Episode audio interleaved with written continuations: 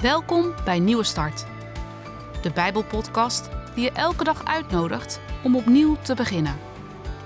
Soms kan het leven ingewikkeld zijn, maar je hoeft het niet alleen te doen. Vandaag heeft Ageet Palland een boodschap voor je.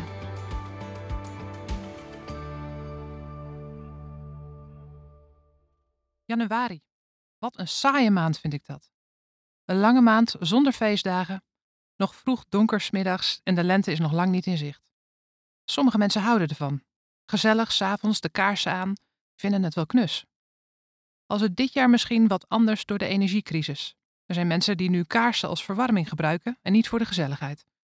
Ja, dan is er weinig lol meer aan. Hoe houd je de moed erin als het koud en donker is? We lezen wat Jezus daarover zegt in Johannes 12, vers 35 en 36. Jezus zei tegen hen: Ik zal nog maar kort bij jullie zijn. Ga daarom nu in mij geloven, want ik ben het ware licht. Dan zal het donker jullie straks niet in zijn macht krijgen. Want iemand die in het donker leeft, ziet niet waar hij heen loopt. Geloof in mij, nu ik hier nog ben, dan zullen jullie voor altijd bij het licht horen. Wat is donker en licht eigenlijk? Volgens de natuurwetenschap is donker in zichzelf niets. Donker is alleen maar de afwezigheid van licht. Licht is iets, een vorm van energie die onze ogen kunnen zien. Minder licht betekent meer donkerte. Om te kunnen zien hebben we dus een lichtbron nodig, iets wat licht geeft of licht weerkaatst. Jezus gebruikt precies dit voorbeeld. Hij zegt dat Hij zelf het licht is, de energiebron waardoor wij kunnen zien. Zonder het licht van Jezus in je leven zie je niet waar je gaat. Donker heeft iets beangstigends, zelfs als je met anderen samen bent.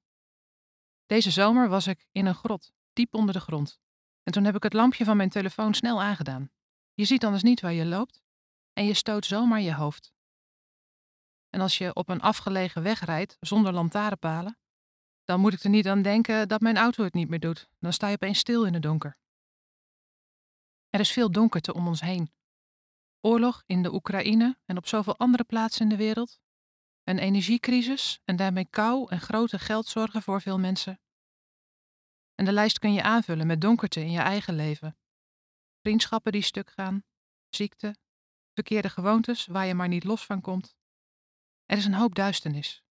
We snakken naar een beetje licht, een beetje hoop.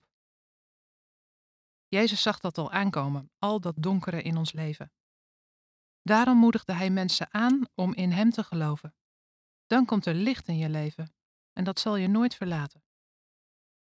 Vandaag zie ik Jezus zelf niet, maar Hij zorgt dat ik kan zien. Het licht van Jezus stelt gerust, tot veilig. Net zoals ik weer opgelucht kon ademhalen toen ik uit die donkere grot kwam. Ik kon weer zien waar ik liep en zag mijn groepsgenoten om me heen. Met het licht van Jezus is het donker minder zwart en zie ik weer een weg om te gaan. Jezus zei niet dat al het donker zou verdwijnen.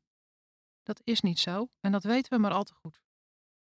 Maar Jezus zei wel dat het donker ons niet in zijn macht zal krijgen als we bij Jezus horen. De donkerte van moeilijkheden is er wel, maar beheerst ons niet als Jezus ons licht is. De christelijke hip-hopgroep Damascus maakte een lied over licht en zij verwoorden het zo: Alles, alles stort in, het verdwijnt. Wanneer het stof is neergedaald, zie ik wat overblijft. Het licht, het licht, het licht dat nooit verdwijnt. Het licht, het licht dat altijd op mij schijnt. Luister het lied vandaag eens op Spotify of YouTube en laat de woorden in je hoofd rondzingen. Wanneer het stof is neergedaald, zie ik wat overblijft: het licht.